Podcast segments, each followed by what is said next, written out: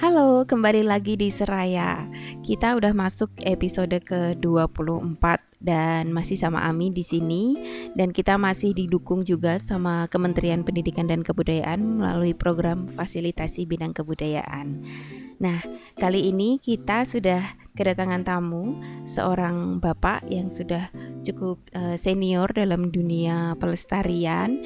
Beliau ini adalah Pak Yunus Arbi. Halo Pak, selamat siang. Apa kabar? Baik, selamat siang.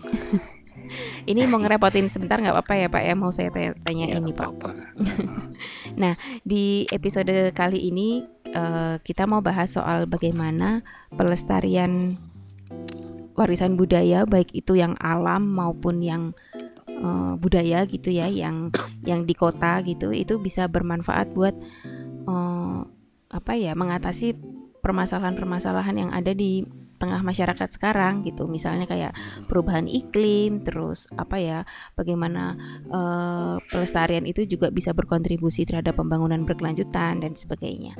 Nah Pak Yunus Arbi ini kalau yang saya amat-amati dulu pernah aktif terlibat ketika Subak menyusun uh, ini ya Pak rencana eh sorry nominasi untuk World Heritage.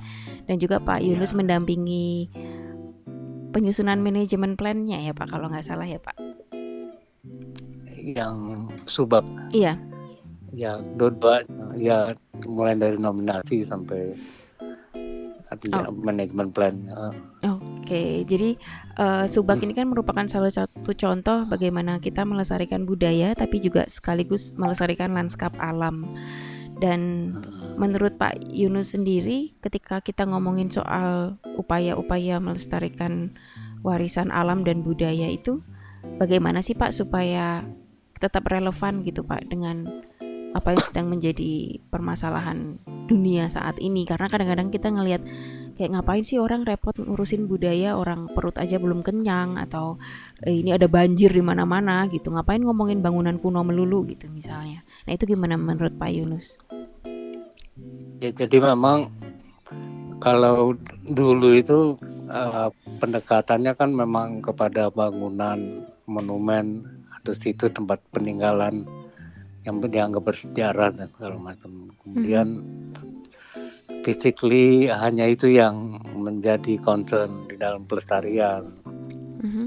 Nah, ketika dunia melihat hubungannya dengan dengan masyarakat, ini sebenarnya karena paradigma perkembangan keilmuan uh, secara terpisah-pisah. Jadi seperti arkeologi tentang bangunan, mm-hmm. arsitektur tentang bangunan dan Kemudian yang dengan masyarakat ada kajian sosiologi atau antropologi. Nah, nah disiplin ini bekerja secara sendiri-sendiri. Ya.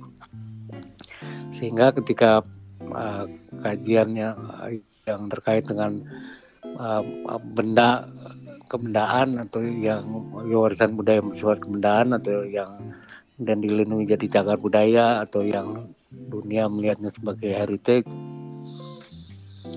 itu uh, selalu memisahkan masyarakat di dalam uh, proses pelestarian itu. Jadi hmm. dianggap uh, sebagai yang menjadi faktor penyebab kerusakan oleh karena ya, apa cara penanganan yang segala macam. Hmm. Dalam perkembangan di dalam perkembangannya bahwa heritage ini kan ya dulu itu karena pendekatannya anti kewarian mm-hmm. jadi memang kepada benda kemudian ketika heritage ini berbicara tentang perwa, pewarisan. Nah, pewarisan ini dilihat adalah hubungan manusia terhadap benda itu. Nah, yang dulu-dulu dianggap karena manusia pendukungnya sudah hilang jadi tidak ada hubungannya tetapi dalam perjalanannya bahwa benda-benda tinggalan ini sebenarnya mempunyai hubungan selaku masyarakat sebagai yang yang mengawasi dan mereka apa yang memanfaatkannya dengan bermacam cara gitu kan yang secara keilmuan dulu dianggap bertentangan. Nah kemudian di dalam perkembangannya ketika dunia yang melalui World Heritage ini memikirkan bahwa warisan budaya yang ada hubungannya dengan manusia bahwa itu kemudian lahir yang kita ketahui sebagai yang cultural landscape hmm. atau langkah budaya. Nah ini kan memang ketika ya ada proses di mana di Inggris yang ada satu kawasan yang mau dijadikan warisan alam ternyata dia kurang kuat karena dia anggap pembentukan alam ini dilakukan oleh manusia, manusia. yang pernah hmm. tinggal di sana yang shape hmm. membentuk budaya alam ini. Nah, kemudian itulah maka lahir yang disebut sebagai culture landscape. Memang culture landscape ini uh, uh, uh, perkembangannya berbeda-beda. Jadi ada di kalau di Eropa mereka menyebutnya culture landscape ini adalah yang kita sini sering dengar yang sejauh mata memandang. Jadi imajinasi para oh. seniman melihat keluasan keindahan alam lalu dia gambarkan itu dianggap sebagai ketika mindset manusia di dalam mempersepsikan alam yang dituangkan dalam bentuk seni nah itu dianggap sebagai kata lain. Hmm. Tapi kemudian dalam perkembangannya untuk di wilayah Asia atau Afrika yang mana alam manusia uh, mempunyai kedekatan dengan alam itu mau uh, apa namanya terbentuk walaupun di dalam imajinasi uh, di dalam karya seni seperti Cina landscape hmm. adalah landscape yang air dan hmm. gunung gitu itu hmm. dianggap sebagai mereka di dalam mempersepsikan di dalam kehidupan sehari-hari banyak melakukan hal itu Hmm. Kemudian uh, uh, daerah pertanian yang uh, proses pembentukan alam ini dibentuk oleh manusia ketika mereka ingin apa untuk apa memanfaatkan sumber daya alam untuk kehidupan mereka sehari-hari sehingga uh, kehidupan pertanian yang membentuk alam uh, yang terstruktur dengan memilih pola dengan memanfaatkan Eh, sumber daya alam, ya, sungai, pohon, kemudian tanahnya diolah untuk menghasilkan sesuatu dan ini membentuk sebuah apa landscape. Gitu. Nah ini itu yang kemudian di dalam perkembangannya akhirnya ketika kita kaitannya dengan di Indonesia waktu pertama kali mengusulkan uh, lanskap budaya Bali mm-hmm. sudah dikasih judul culture landscape tetapi kita waktu itu masih menerjemahkan uh, World Heritage itu adalah fisik uh, bangunan. Oke. Okay. Nah di awalnya hanya pura-pura gitu kan yang dilakukan yang dilindungi. Iya. Yeah. Nah, kemudian ketika dievaluasi dengan karena kita menggunakan culture landscape, baru kita diajarkan dikasih tahu alternatif maksudnya adalah begini ketika oh. mereka melihat hubungan pura dengan sawah ini apa gitu kan lalu diceritakan bahwa ada proses uh, ritual yang dilakukan pensucian air dilakukan di pura mm-hmm. nah, jadi kemudian air tata kelola ini diatur oleh uh, kelompok tani uh, yang yang secara adat dibentuk oleh mereka sendiri untuk mengatur tata kelola air. Hmm. Nah, kesatuan ini menjadi sebuah ruang. Ketika diidentifikasi dalam ruang itu terlihat batasnya. Nah, sebenarnya di sini yang untuk yang Bali inilah yang pertama dilihat hubungan relasional manusia dengan uh, lingkungan alamnya yang yang membentuk uh, tata kelola uh, air di dalam konteks persawahan.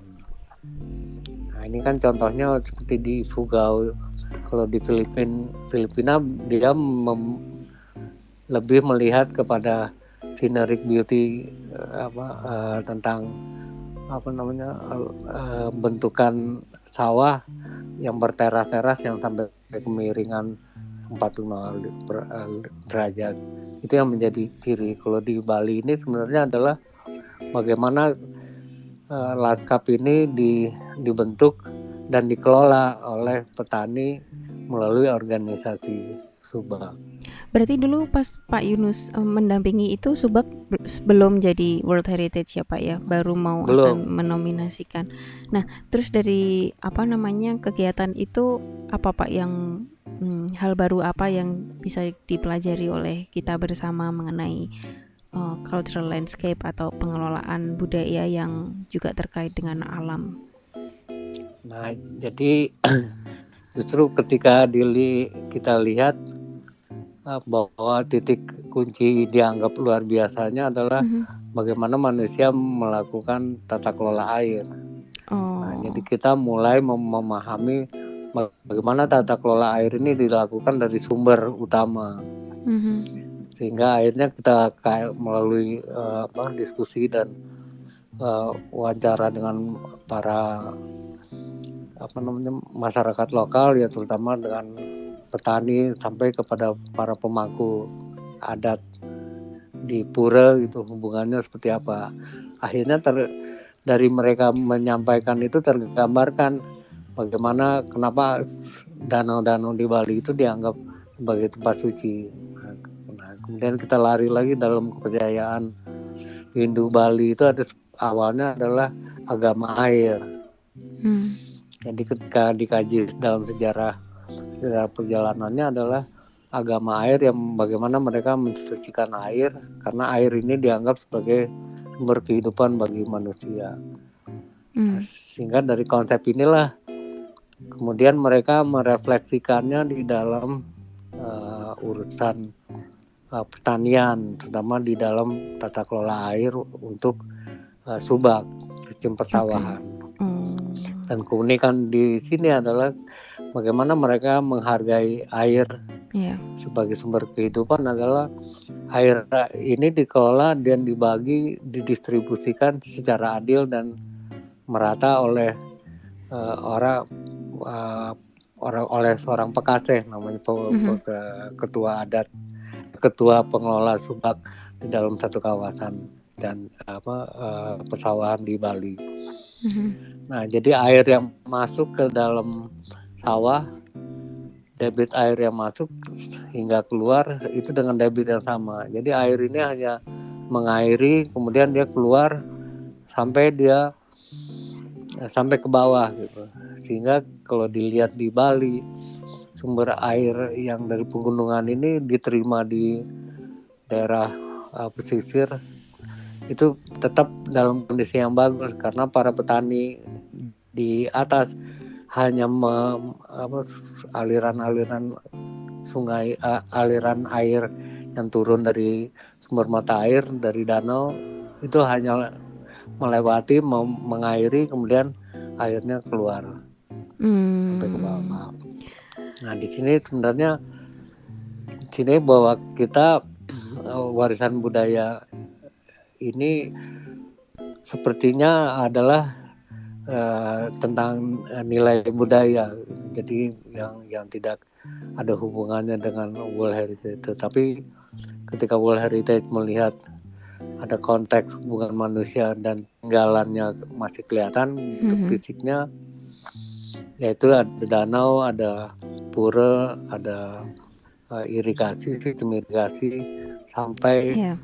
uh, dia keluar nah itu ketika kita merumuskan ini akhirnya makanya uh, Bali dulu hanya dari sekian banyak pura kemudian kita hanya memilih pura yang terkait dengan Subak hmm. jadi kalau kalau dilihat cara utuh dengan judul Landscape of Bali Province yeah. ini adalah Subak ini sebenarnya ada di seluruh pulau Bali Hmm. Tetapi yang kita coba representasikan adalah uh, mulai dari uh, Supreme Water apa dari mulai dari uh, danau yang mereka anggap paling suci di Batur. -hmm. Kemudian di bawah bukti-bukti uh, bahwa peradaban Subak ini sudah ada di abad 11 uh, yaitu di apa Daspak Krisan di Gianyar itu ada pura-pura yang apa uh, ya tinggalan arkeologi yang dari abad 11 yang seperti Certampul, Gua Gajah, mm-hmm. eh Certampul, Mengening, uh, apa Gunung Kawi itu ternyata dia memang uh, digunakan sebagai sumber uh, apa uh, yang terkait dengan upacara di Subang.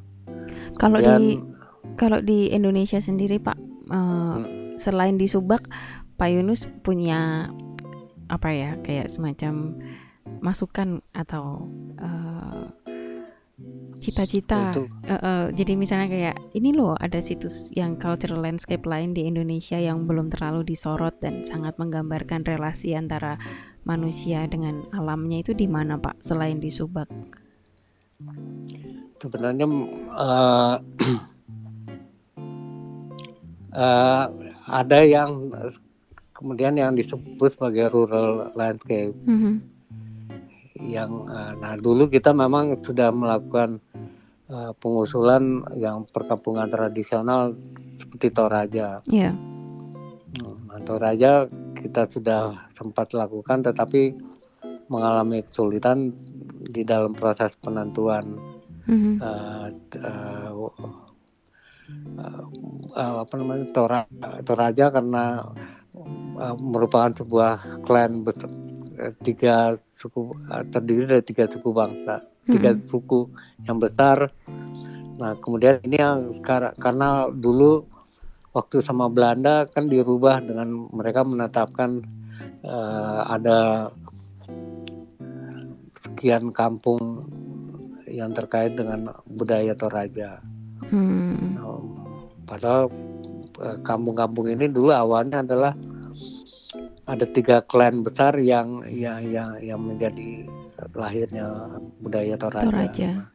Ya, tapi kalau menurut Pak Yunus sendiri memang sebenarnya kalau kekuatan untuk negara-negara uh, Asia dan Afrika itu memang ada di cultural landscape-nya ya Pak ya. Maksudnya dibandingkan dengan heritage yang sifatnya lebih kayak ke monumen kayak gitu. Apakah ini yang harus lebih diupayakan oleh pemerintah Indonesia misalnya mencari potensi potensi potensi warisan budaya dan alam gitu di cultural landscape-nya atau gimana Pak? Ya sebenarnya karena kita apa living heritage-nya masih banyak gitu mm -hmm. seperti di apa di Afrika maupun kayak seperti di Afrika karena uh, budaya itu masih terus berlangsung di dalam kehidupan masyarakat yeah. uh, di, di kita. Hanya kan karena memang di dalam proses kajian itu nah pendekatan uh, keilmuannya berbeda-beda sehingga yang di kita nih yang namanya perkembangan tradisional masih menjadi domainnya antropologi.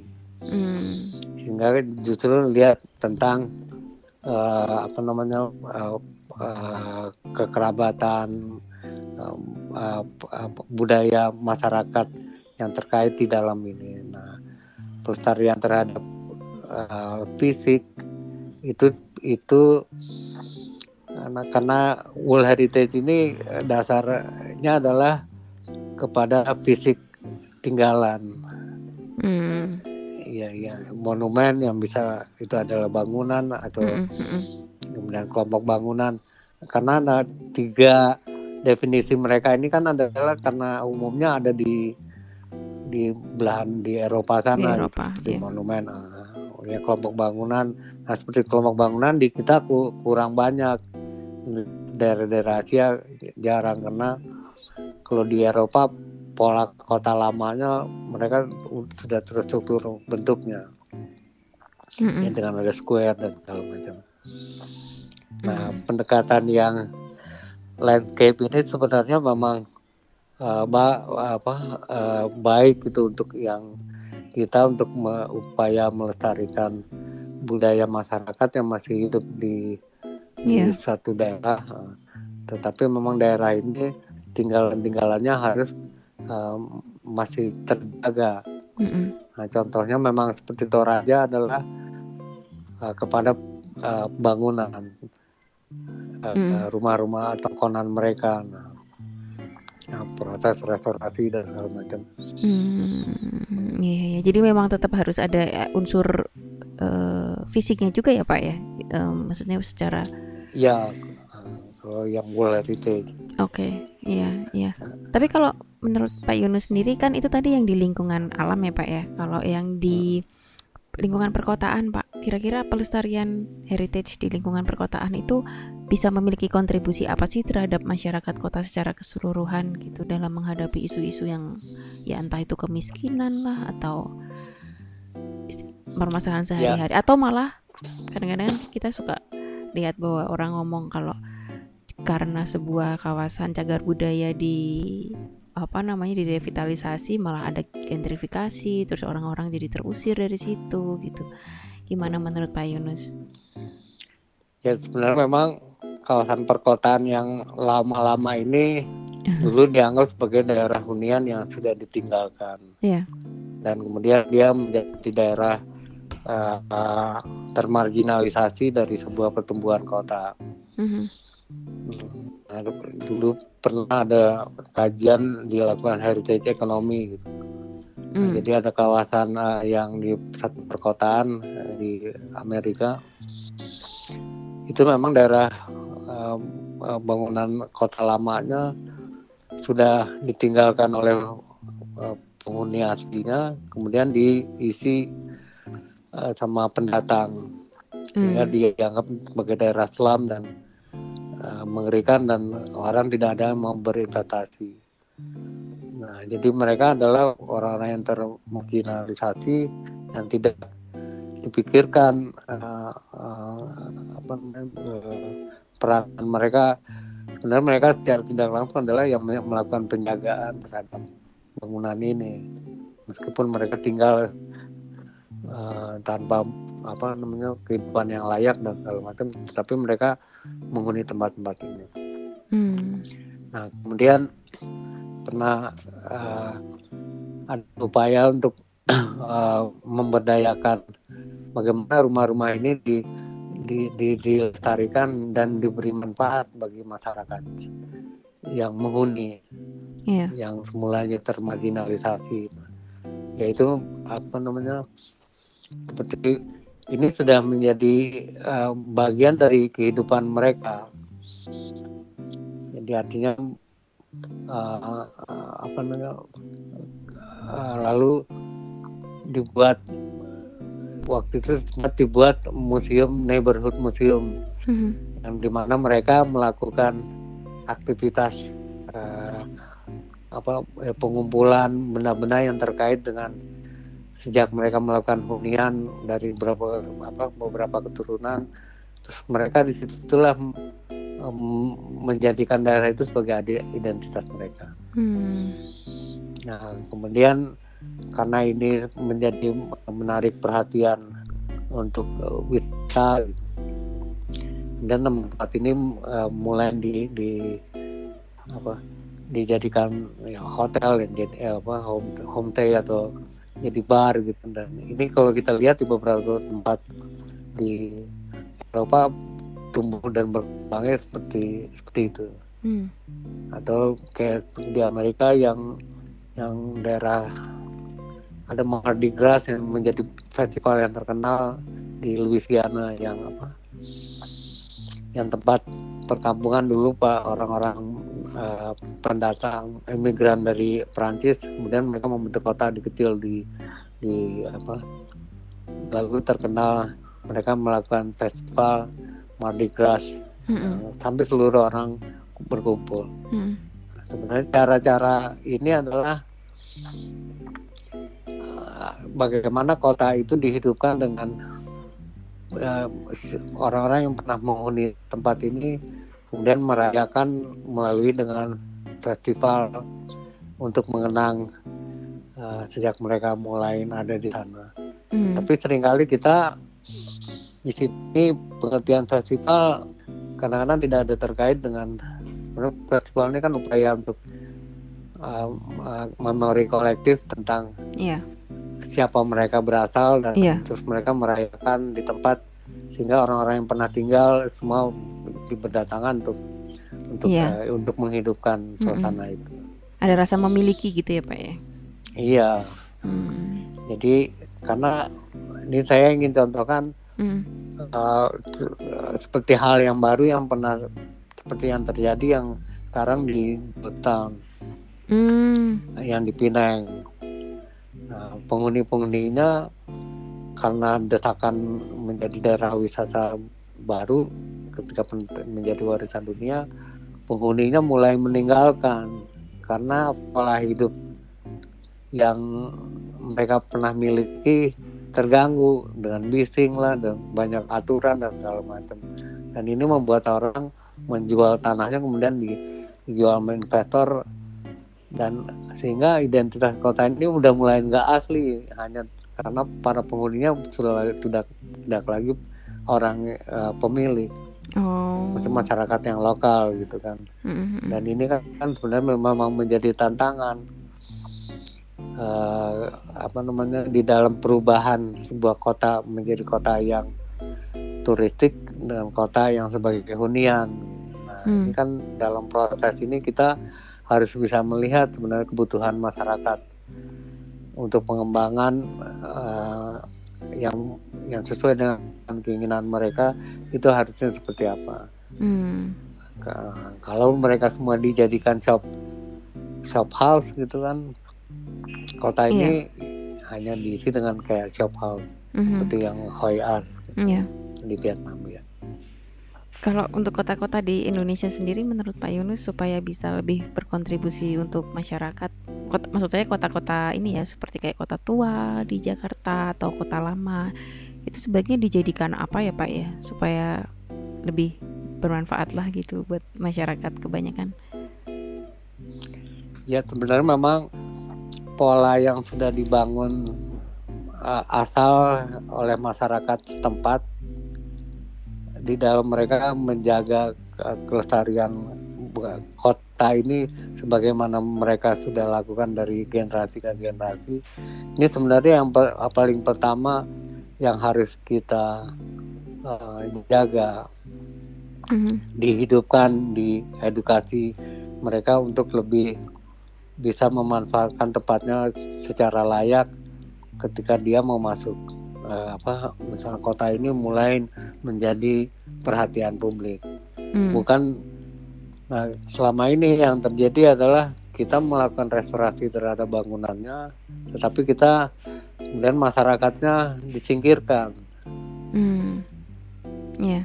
nah padahal mereka karena dianggap uh, bukan pemilik dan hak dan, dan segala macam. Mm-hmm. Tetapi kita tidak mencoba memberdayakan mereka dulu untuk melakukan uh, apa namanya uh, memberdayakan mereka di dalam kehidupan mereka yang sehari-hari.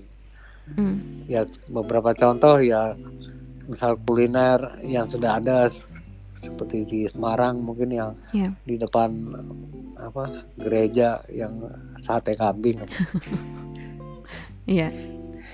Ya, yang seperti itu. Nah, ini kan sesuatu yang sangat menarik yang karena dianggap ini seba, kalau misalnya dilihat dari secara kota lama tampilannya kurang bagus, sebenarnya ini uh, tinggal kita sebenarnya tinggal menghidupkan bagaimana dia menjadi itu kan sudah menjadi bagian identitas yang yeah. oleh masyarakat uh, masyarakat yang pernah datang beberapa tahun yang lalu ke tempat ini. Nah, mm-hmm. ini harus melekat karena bukan karena kita ingin melestarikan bangunannya, mereka kemudian disingkirkan. Jadi banyak yeah. beberapa titik-titik yang dianggap pernah menghidupi, kemudian ter, ter, terpinggirkan dan mm. dan ini yang sebenarnya yang banyak kalau di Eropa atau apa di beberapa kota uh, lama masih dilakukan seperti di Medan yang kelompok nah, India, Little India mereka pun juga ada masih ada yang restoran yang masih dalam nafas India lamanya mereka hmm. gitu itu hmm. tetap dihidupkan. Hmm. Hmm. Pak, kalau di lingkungan UNESCO sendiri, Pak, apakah mereka juga mempertimbangkan bagaimana sebuah situs itu mengelola apa ya uh, manajemennya itu supaya bermanfaat hmm. untuk masyarakat untuk kemudian dipertimbangkan menjadi World Heritage atau mereka sebenarnya memang benar-benar pure hanya ngelihat fisiknya. Soalnya kalau saya lihat kayaknya trennya sekarang UNESCO juga mulai ini ya memikirkan kayak uh, World Heritage Committee-nya maksud saya memikirkan mengenai sustainable development kayak gitu. Itu merupakan faktor-faktor penting juga yang mereka pertimbangkan gitu, Pak. Iya. Ya jadi memang uh, paradigma uh, apa namanya UNESCO ini kan memang ketika sudah mulai uh, mulai dari kata landscape ini adalah mulai mereka melihat peranan uh, masyarakat. Nah mereka kemudian di dalam strategi objektif mereka merumuskan ada lima mm-hmm. yaitu ada apa uh, credibility yang jelas tentang OUP-nya itu conservation mm-hmm. jelas upaya pelestariannya communication uh, apa, menyampaikan kepada uh, publik terus uh, capacity building jelas untuk masyarakat uh, apa namanya untuk maintain uh, site dengan apa uh, orang mempunyai kapasitas yang yang sesuai kemudian yang terakhir adalah mulai uh, community menjadi bagian Hmm. Nah, mulai kelima ini selalu mereka mem mem mempertimbangkan uh, dikaitkan dengan sustainability. Hmm. Sebenarnya uh, ETG. Nah, ETG ini uh, udah jelas bahwa apa uh, economic apa uh, sustainability secara ekonomi menjadi bagian yang hal yang utama. Nah, memang sulitnya ketika di waktu mau diterima dalam SDG karena kan dianggap kita melakukan pelestarian fisik. Yeah. Kita ya seperti tadi yang telah saya sampaikan bahwa masyarakat ini uh, dulu diungsikan dengan karena apa masuk dalam zona pelestarian yang tidak boleh ada hunian manusia. Mm. Seperti mulai kita lihat Borobudur, uh, kemudian masyarakat ini tidak ada hubungannya terhadap fisik. Nah, belakangan uh, ya sejak sejak uh, peran manusia ini mulai uh, dianggap sebagai bagian dari proses pelestarian, mulailah itu dipertimbangkan. Nah, di dalam SDG ini memang salah satunya adalah peranan masyarakat. Masyarakat ini mulai mereka membahas tentang right based approach. Oh, ya, iya. ya right based approach ini mulai membahas kembali tentang indigenous people yeah. yang dianggap sebagai indigenous indigenous people. Nah, mm-hmm. Kita memang udah agak sulit. Nah ini sebenarnya indigenous people ini banyak dikaitkan dengan budaya-budaya di Asia, di Afrika, mm-hmm. masyarakat lokal. Nah memang di kita indigenous people uh, so, apa uh, memang dianggap sebagai masyarakat adat dan pengertiannya masih rada rada rada rada berbeda.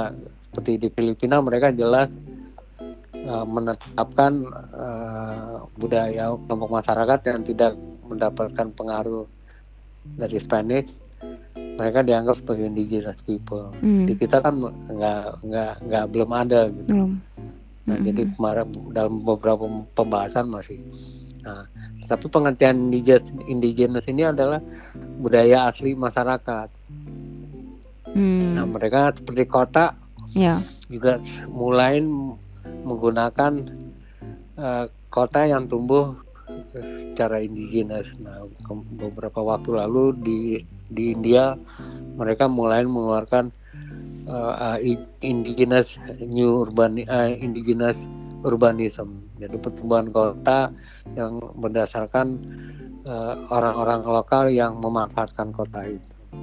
Hmm. Wah, Semarang susah yang, dong itu. eh?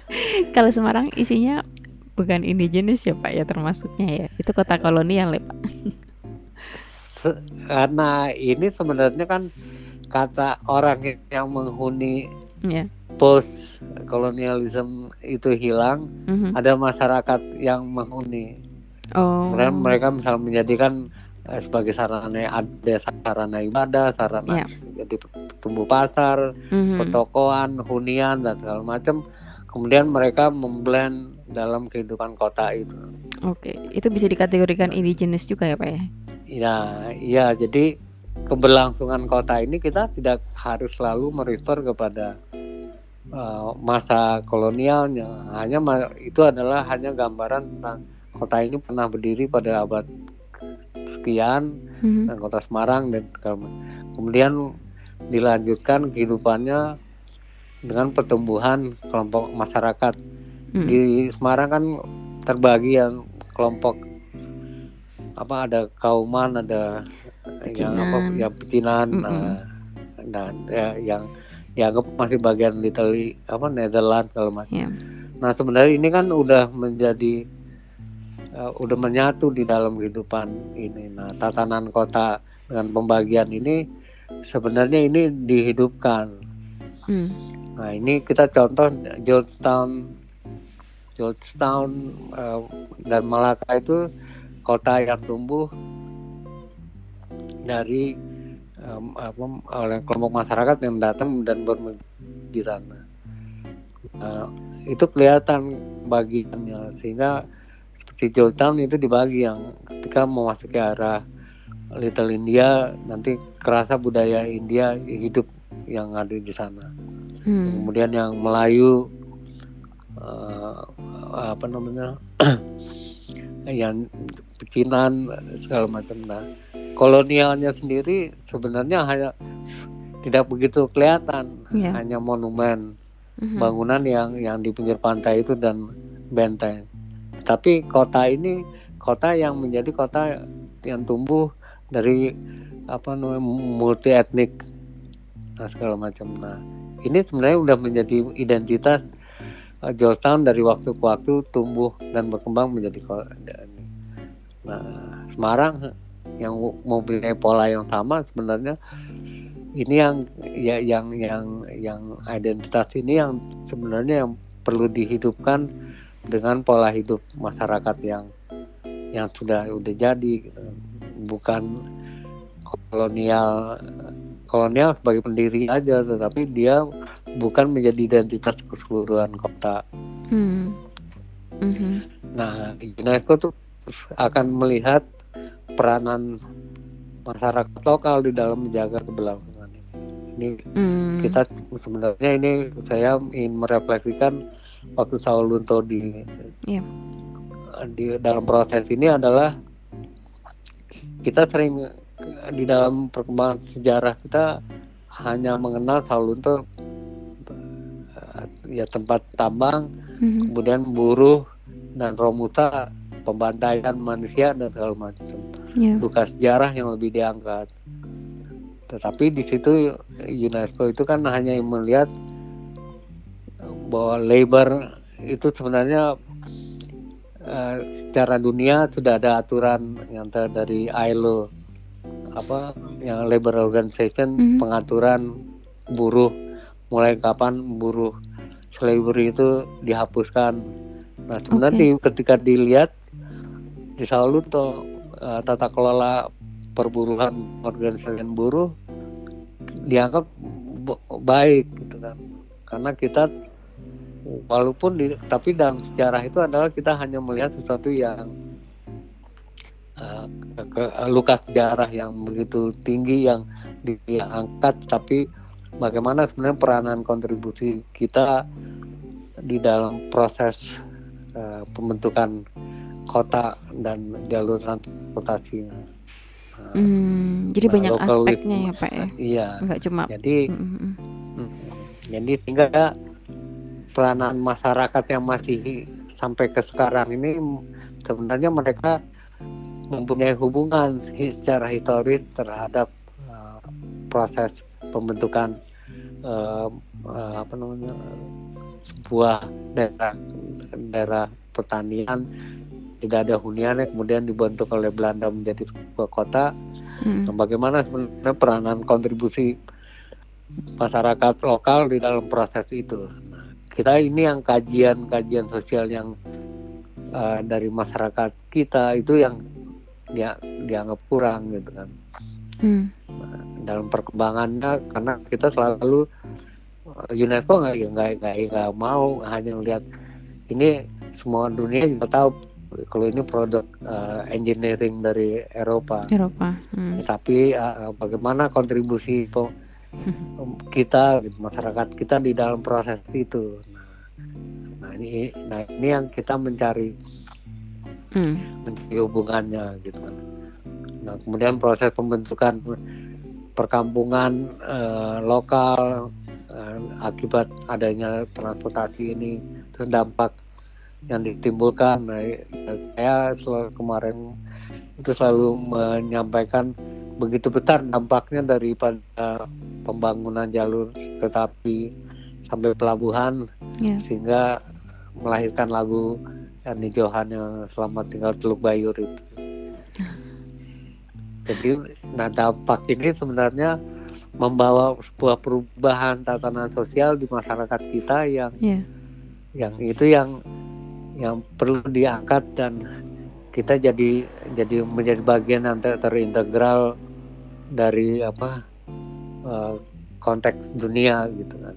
Hmm, tapi mungkin memang masih agak riskan ya Pak ya karena kan sekarang kan apa uh, lagi tren dekolonisasi kan sedang marak-maraknya nih Pak. Jadi kalau uh, seolah-olah kalau kita mau menominasikan sebuah kawasan yang terkait dengan kolonialisme itu nanti akan dipertanyakan apakah dengan menominasikan berarti kita uh, semacam semacam merayakan penjajahan gitu. Menurut Pak Yunus itu sebenarnya bisa dihindari ya Pak ya asalkan kita penekanannya bukan di penjajahannya tapi bagaimana kemudian masyarakat berkembang setelah itu gitu iya nah ini yang memang saya ikutin beberapa kali dekolonisasi hmm. repatriasi hmm. sebenarnya memang apa namanya kita uh, yang ada sekarang ini adalah misal produk kolonial dan kita selalu merefer kepada uh, masa kolonial peristiwa-peristiwa yang terkait dengan ini. Yeah.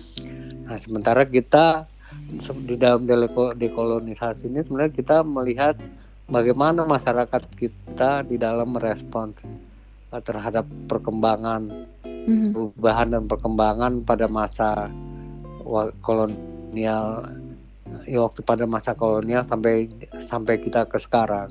Mm. Nah, nilai-nilai apa sebenarnya yang menjadi penting buat kita uh, apa yang kita adopsi untuk kehidupan kita sekarang. Hmm.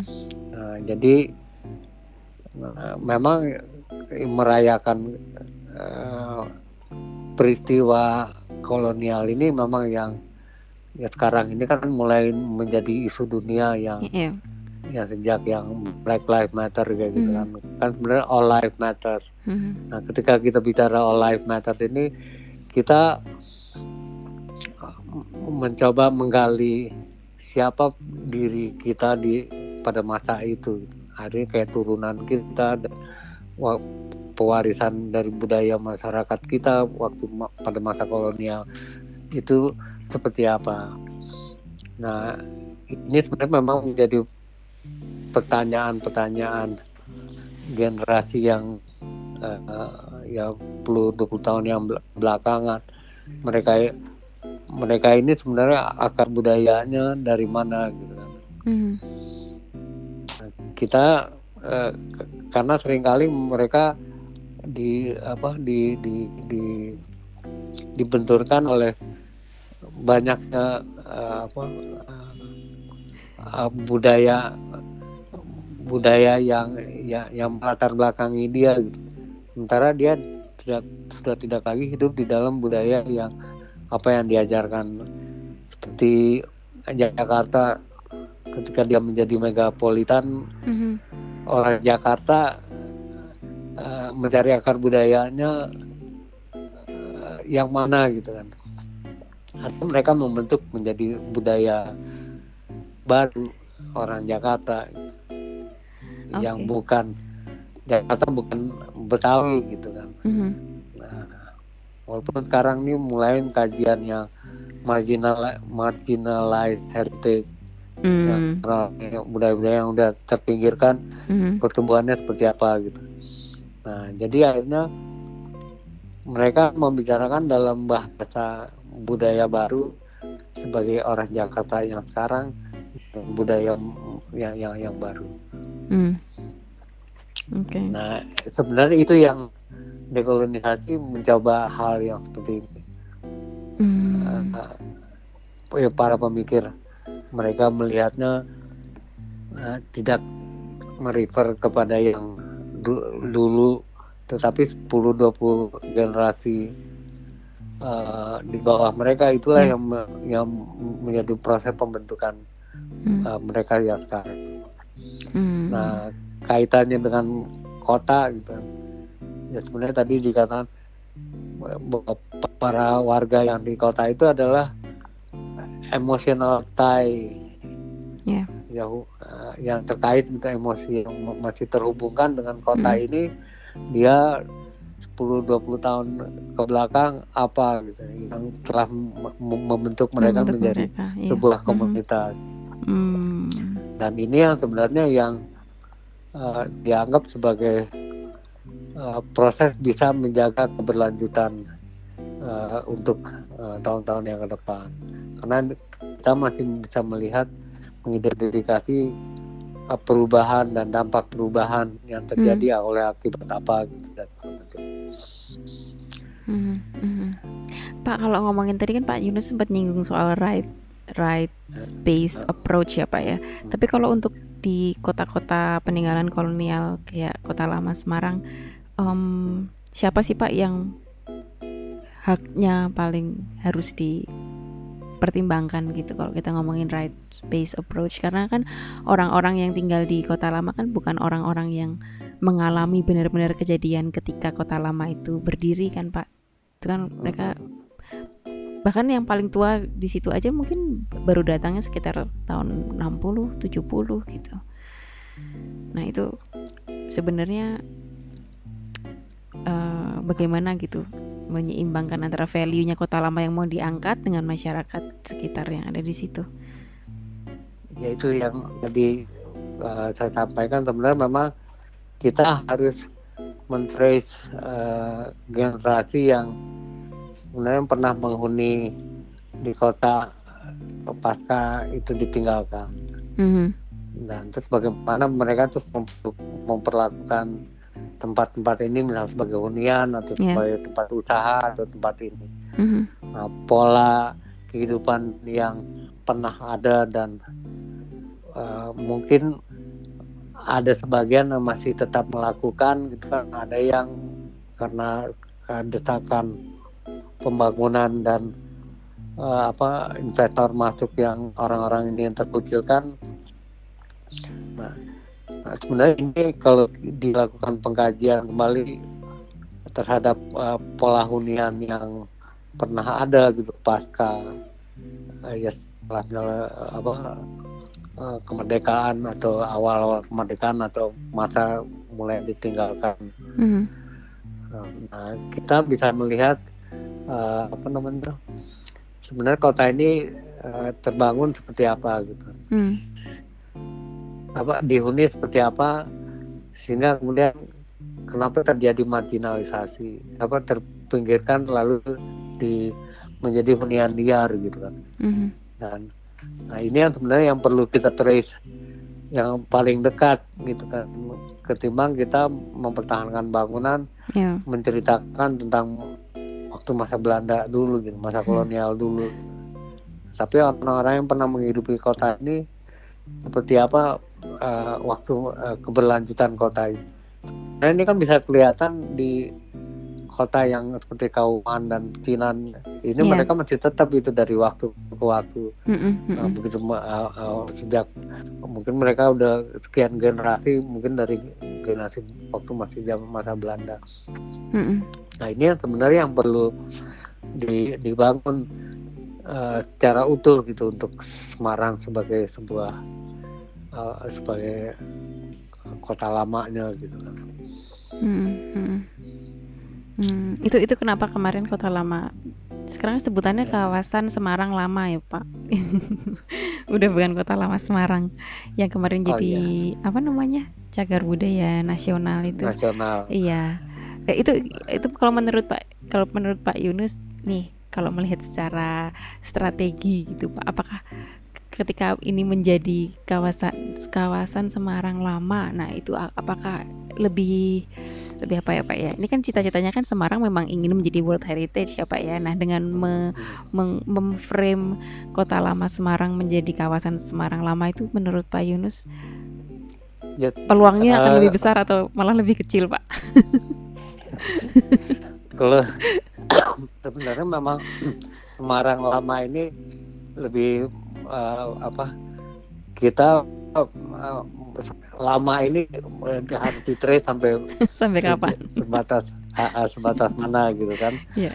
nah ini yang artinya seperti tadi yang pola kota yang sudah ada kan Semarang nggak ujuk-ujuk kayak Saulunto dari sebuah hamparan kemudian datang Belanda mm -mm. lalu bangun kota yeah. tetapi dia sudah ada hunian kelompok-kelompok masyarakat yang menghuni gitu Hmm. Kemudian dijadikan kota uh, sama Belanda uh, dengan uh, struktur kota yang dibuat sesuai dengan frame kota hmm. oleh oleh Belanda gitu kan. Ya ada rumah sakit, ada dengan fasilitas-fasilitas.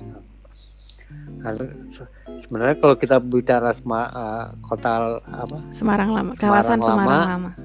Kawasan Semarang lama ini adalah kita melihat nggak sekedar kolonialnya gitu kan. Kalau saya mungkin itu jauh lebih bag, lebih baik gitu melihat uh, halnya. Cuman memang pertumbuhan ini menjadi sebuah kawasan pemukiman atau menjadi dia kota karena faktor apa yang yang yang yang yang perlu menjadi uh, kekuatan kota ini bisa bertahan sampai sekarang ini kalau kita membandingkan dengan apa namanya uh, Jotan Malaka mereka kan memang kota itu uh, terbentuk akibat adanya pelayaran uh, uh, timur barat mm-hmm. uh, kemudian orang ber, uh, berhenti di situ kemudian membangun kehidupan terus dia menjadi sebuah kota mm-hmm. uh, Nah, Semarang ini apakah memang itu yang di, dijadikan yang perlu dilihat uh, kekuatannya? Apakah itu mulai dari terbentuknya terbentuk karena uh, uh, pusat uh, pemasaran kayak gitu yang apa jalur? Nah iya. ini yang ya, ya yang perlu di, di dirumuskan. Iya oh tapi sekarang kayaknya mau ya, mau bergabung dengan jalur rempah juga ya kayak Nah, jadi kalau dalam konteks jalur rempah ini kan ya. memang dilihat pola perdagangan.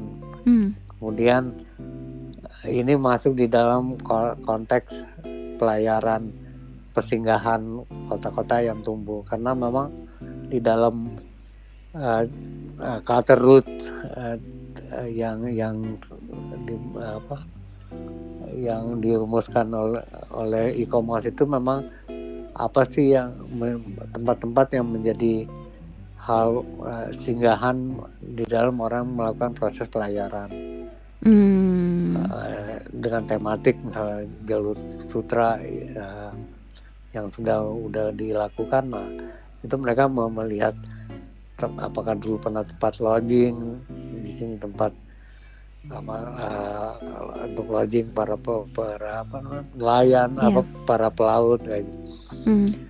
terus uh, rumah dan segala macam nah itu yang dilihat ya yang dijadikan nah, kalau dalam konteks Semarang ini sebagai coastal city ya atau dia jadi waterfront city pada masa proses pelayaran ini terbentuk atau oleh karena itu atau bukan gitu kan. Hmm. Kalau memang di dalam definisi jalur tut, apa pelaya apa namanya jalur rempah itu adalah kota ini memang daerah yang persinggahan di dalam orang melakukan pelayaran hmm. uh, perdagangan. Hmm. Jadi kan itu yang dilihat dia masuk dalam koridor yeah. pelayaran pantai hmm. utara yeah. Jawa gitu. Yeah itu sebenarnya kan memang rumusan-rumusan yang dari uh, apa culture root kan seperti itu gitu. Iya. tapi sebenarnya peninggalannya juga udah kalau misalnya kita bicara peninggalan fisiknya juga sudah mungkin sudah tidak ada ya pak ya saya kok lihat kedengarannya pesimis banget iya soalnya ya. ya ada sih pelabuhannya gitu tapi maksud saya yang peninggalan benar-benar secara fisik itu kan udah nggak udah lama banget gitu loh maksud saya. Udah nggak bisa diterus lagi mungkin. Atau nggak tahu. Mungkin masih bisa ya. Masih masih bisa. Ya itu kalau dalam konteks global. Jadi memang ada dua hal uh, dalam proses ya warisan dunia ini kan mm -hmm. kalau dia menjadi bagian dari sebuah uh, apa usulan yang besar itu bisa tetapi yeah. uh, dia juga bisa kalau dia mempunyai kekuatan OUV untuk tumbuh menjadi sebuah usulan sendiri itu juga mm. memungkinkan nah, mm. uh, nah mungkin yang uh, salah satu yang menarik memang yang tentang uh, apa uh, resilient city yang yang bertahan uh, apa tinggal berada di kota yang di bawah laut laut kayak gitu kan. Nah, nah ini kan menjadi catatan menarik yang uh, before kolon uh, Belanda datang apakah sudah ada sistem atau segala macam. Mm. Nah ini ya yang yang bisa menjadi bagian mm. uh, yang untuk kota tumbuh uh, dia berani tumbuh menjadi sebuah kota yang posisinya di bawah laut. Nah, Belanda datang mereka menerapkan apa yang mereka lakukan di Belanda. Sekarang ini kan memang sudah mulai um, orang membicarakan tentang water and heritage. Iya, betul betul. Uh, uh, iya iya iya. Ini ya, kan uh -huh. uh, ini ini bisa menjadi pemikiran bagaimana air ini sebagai malapetaka atau air sebagai sumber kehidupan masyarakat. Hmm. Nah, re refleksi ini sebenarnya bisa dilihat uh, pertumbuhan kota Semarang yang sampai yeah. survive sampai sekarang ini uh, apakah bisa seperti itu gitu kan iya iya oke okay. jadi banyak sebenarnya banyak banyak sisi atau banyak sudut pandang ya pak ya bisa pakai sudut pandang jalur yeah. rempah tadi bisa pakai sudut pandang bahwa Semarang itu adalah kota yang resilient terus dari multikulturnya juga oke okay, oke okay.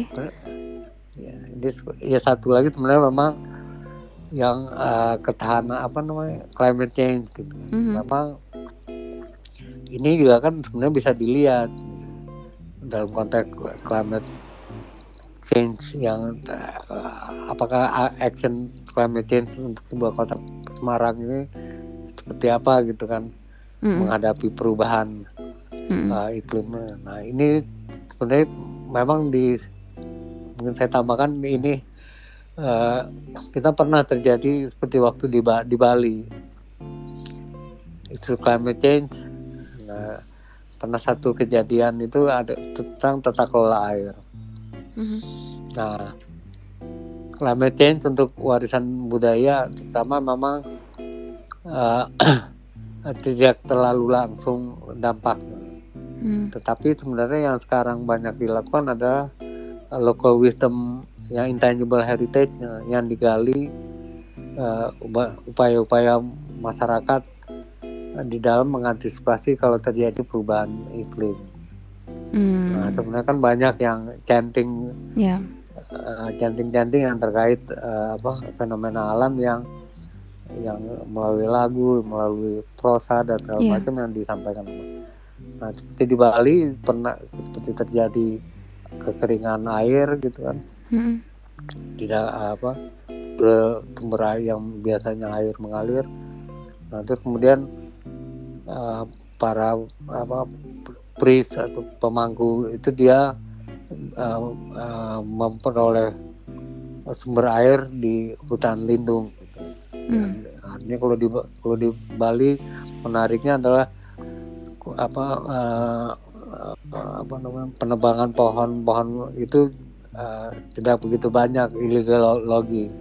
Hmm. Tetapi karena mereka memang menjaga sebagai sacred place yang dianggap uh, sebagai apa yang perlu dilindungi karena uh, apa dia adalah sumber kehidupan menjaga apa namanya uh, stabilitas lingkungan.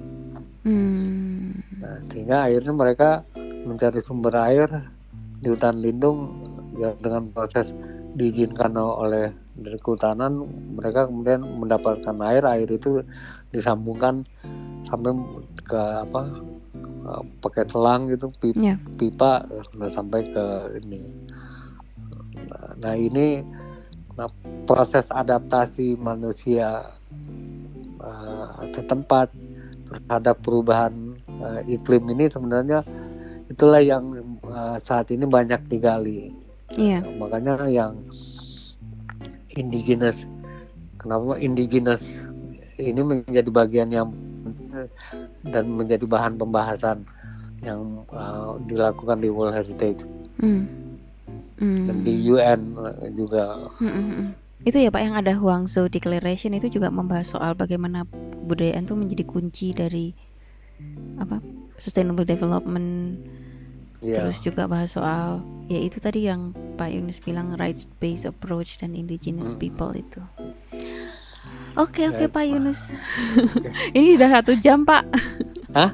Sudah. Kok Pak Yunus kaget sih? Nggak lihat jam. Iya. Terima kasih banyak Pak Yunus sudah ya, ditemenin ngobrol. Kita tadi udah jalan-jalan dari Sawah Lunto sampai Bali dan kota-kota lain. Dapat banyak cerita dari Pak Yunus. Uh, jadi mungkin intinya bahwa memang uh, apa melestarikan budaya dan alam itu sebenarnya dua hal yang tidak bisa dipisahkan gitu ya Pak ya. Iya betul. Ya. Oke, terima kasih buat teman Seraya yang udah mendengarkan dan um, bisa follow Instagramnya Seraya at seraya.podcast buat tahu informasi-informasi terbaru soal episode yang kita upload. Sampai ketemu di episode berikutnya. Bye.